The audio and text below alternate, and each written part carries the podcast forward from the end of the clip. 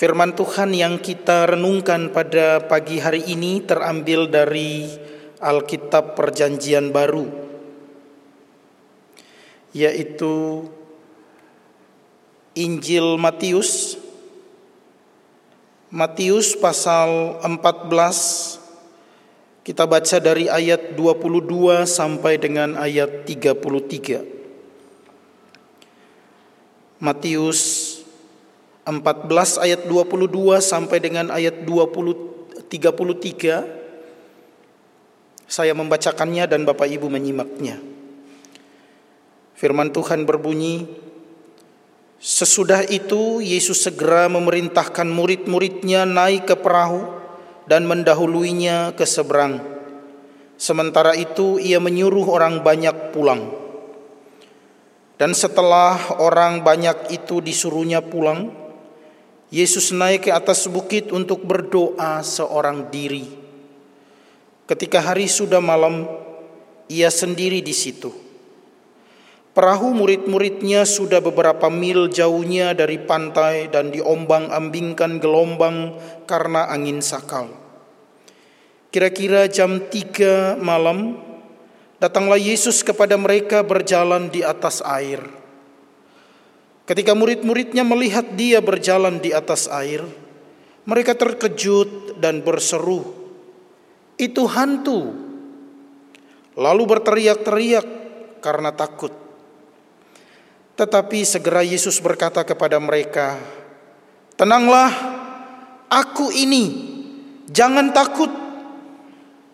Lalu Petrus berseru dan menjawab dia, "Tuhan, apabila Engkau itu Suruhlah aku datang kepadamu berjalan di atas air.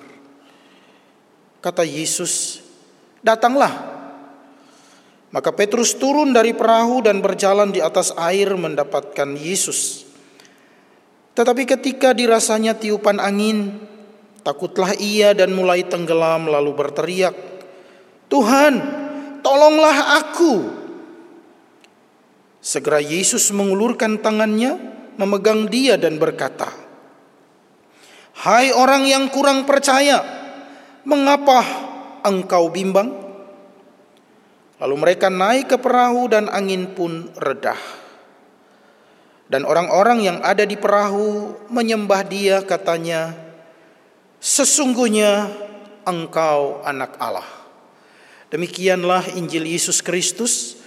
Berbahagialah kita yang tidak hanya mendengar namun melakukan di dalam hidup kita sehari-hari. Haleluya. Sekali lagi selamat pagi Bapak Ibu. Shalom. Puji Tuhan. Ada aura sukacita yang boleh kita rasakan pada pagi hari ini. Tema kita hari ini adalah kala senang menjadi susah. Kala senang menjadi susah. Saya mengawali khotbah ini dengan sebuah pertunjukan. Saya menggambarkan ini sebagai sukacita atau damai sejahtera di dalam kehidupan manusia. Dan tentunya kita juga yang hadir di sini menggambarkan keadaan senang yang dialami oleh manusia dan kesenangan yang atau sukacita yang kita alami itu bukan dari hal-hal dunia ini tetapi dari Tuhan sendiri. Izinkan saya untuk memakai fasilitas sederhana yang ada. Jadi saya menggambarkan dengan contoh saya hidupkan lampu ini dan saya letakkan di balik tidak kelihatan bayangannya ya di dekat tangan saya dan kemudian Bapak Ibu bisa melihat ada bayangan tidak kelihatan ya Bapak Ibu ya. Jadi ada bayangan seandainya ini, nah ada bayangan di belakang ini. Ada bayangan di belakang saya dan saya gambarkan bahwa cahaya ini adalah Tuhan sendiri sedangkan manusia atau kita adalah tangan saya dan kebahagiaan itu adalah bayangan yang ada di belakang. Bapak Ibu, semakin kita mendekat kepada Tuhan, semakin manusia mendekat kepada Tuhan, maka semakin nampak sukacita, damai sejahtera yang meluap di dalam hatinya dan itu bisa dirasakan, itu bisa dilihat oleh orang lain. Bayangan yang ada di belakang saya bisa dilihat. Tetapi sebaliknya apabila cahaya ini semakin jauh dan semakin jauh dari manusia atau tangan saya, itu akan hilang bayangan itu. Artinya kalau manusia semakin jauh dari Tuhan, manusia semakin jauh dari Tuhan, maka damai sejahtera atau sukacita itu akan semakin hilang dari dalam kehidupannya. Nah, Bapak Ibu yang saya kasihi, ini sebagai awal untuk kita memahami tema ini, kala senang menjadi susah. Bapak Ibu yang saya kasihi ketika saya membaca dan merenungkan bacaan ini, saya melihat bahwa ketika Yesus mengerjakan mujizat di bukit itu membuat semua orang begitu sukacita begitu bergembira apalagi murid-muridnya mereka sangat senang dan gembira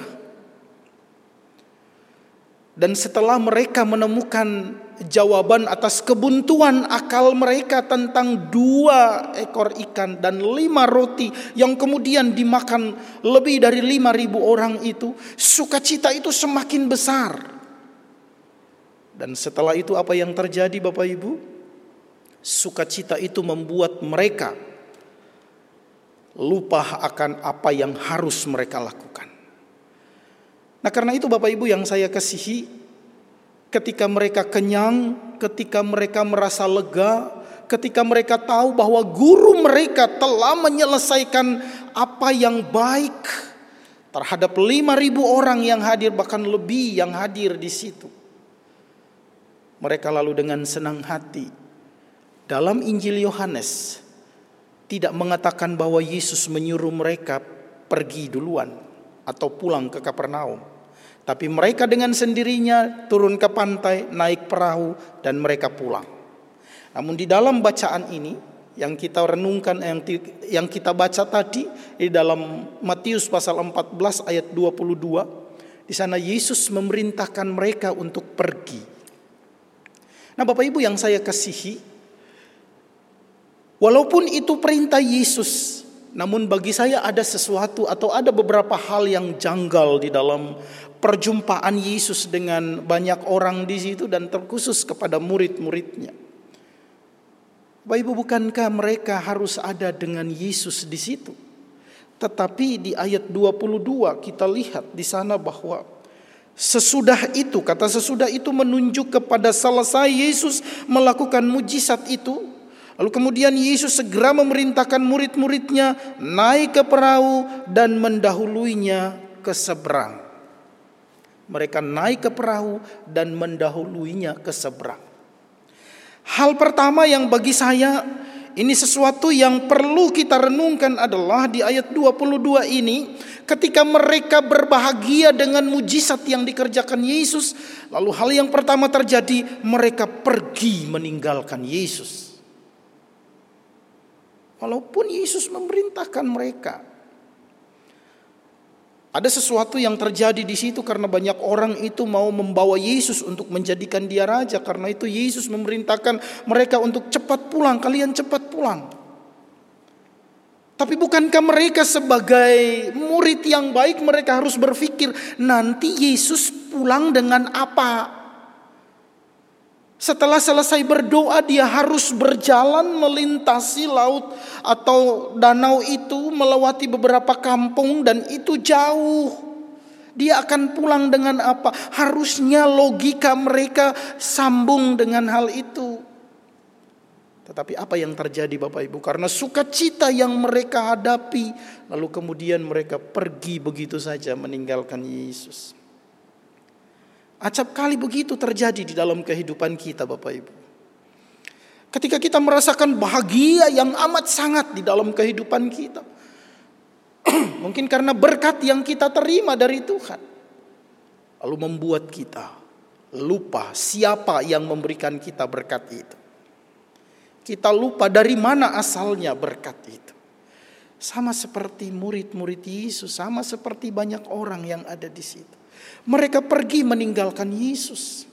Dan ketika mereka pergi meninggalkan Yesus, apa yang terjadi Bapak Ibu?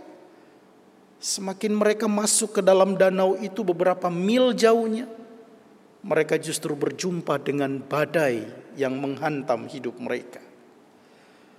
Namun di dalam badai itu apakah Yesus tidak mengingat mereka? Saya yakin dan percaya bahwa di atas bukit itu ketika Yesus menaikkan doa. Selain memohon kekuatan dan penyertaan Allah Bapa untuk menjalani hidup yang penuh ketaatan. Tetapi dia juga mengingat akan murid-muridnya yang ada di dalam danau itu yang sedang dihantam oleh badai itu. Dia mengingat mereka. Walaupun mereka pergi meninggalkan dia. Bapak Ibu yang saya kasihi Yesus tidak melupakan mereka. Demikian juga dengan kita. Yesus tidak pernah melupakan kita. Yesus bisa menghentikan badai itu dari atas bukit itu. Dia Tuhan, dia punya kuasa yang mengatasi segala sesuatu. Dia bisa berdiri di atas bukit itu dan dia berkata kepada badai itu, "Tenanglah." Dan itu sangat mungkin terjadi. Tetapi apakah itu yang dilakukan oleh Tuhan Yesus? Tidak. Dia tetap mengingat mereka. Dan dia datang mendekat kepada mereka. Nah karena itu hal yang pertama yang ketika saya renungkan firman Tuhan ini saya menemukan bahwa mereka pergi meninggalkan Yesus dan di saat mereka meninggalkan Yesus itulah begitu banyak masalah yang mereka hadapi. Bapak Ibu yang saya kasihi, sering kali kita tidak menyadari akan hal ini. Kenikmatan dunia ini membuat kita pergi meninggalkan Tuhan. Kenikmatan dunia ini membuat kita ketika selesai beribadah pergi meninggalkan Tuhan. Selesai mendengar firman pergi meninggalkan Tuhan. Namun saya percaya jemaat GKI Cayu dan tidak demikian. Kita selalu tinggal di dalam Tuhan, mendekat kepada Tuhan, sehingga hidup kita berdampak bagi orang-orang yang ada di sekeliling kita. Seperti bayangan tadi, semakin kita dekat dengan Tuhan, dan kebahagiaan itu dapat dilihat, tetapi kemudian berdampak bagi orang lain. Hal kedua yang tidak kalah penting dan saya temukan di dalam ayat 26 di sana dikatakan bahwa Ketika murid-muridnya melihat dia berjalan di atas air, mereka terkejut dan berseru, "Itu hantu!" Lalu berteriak-teriak karena takut.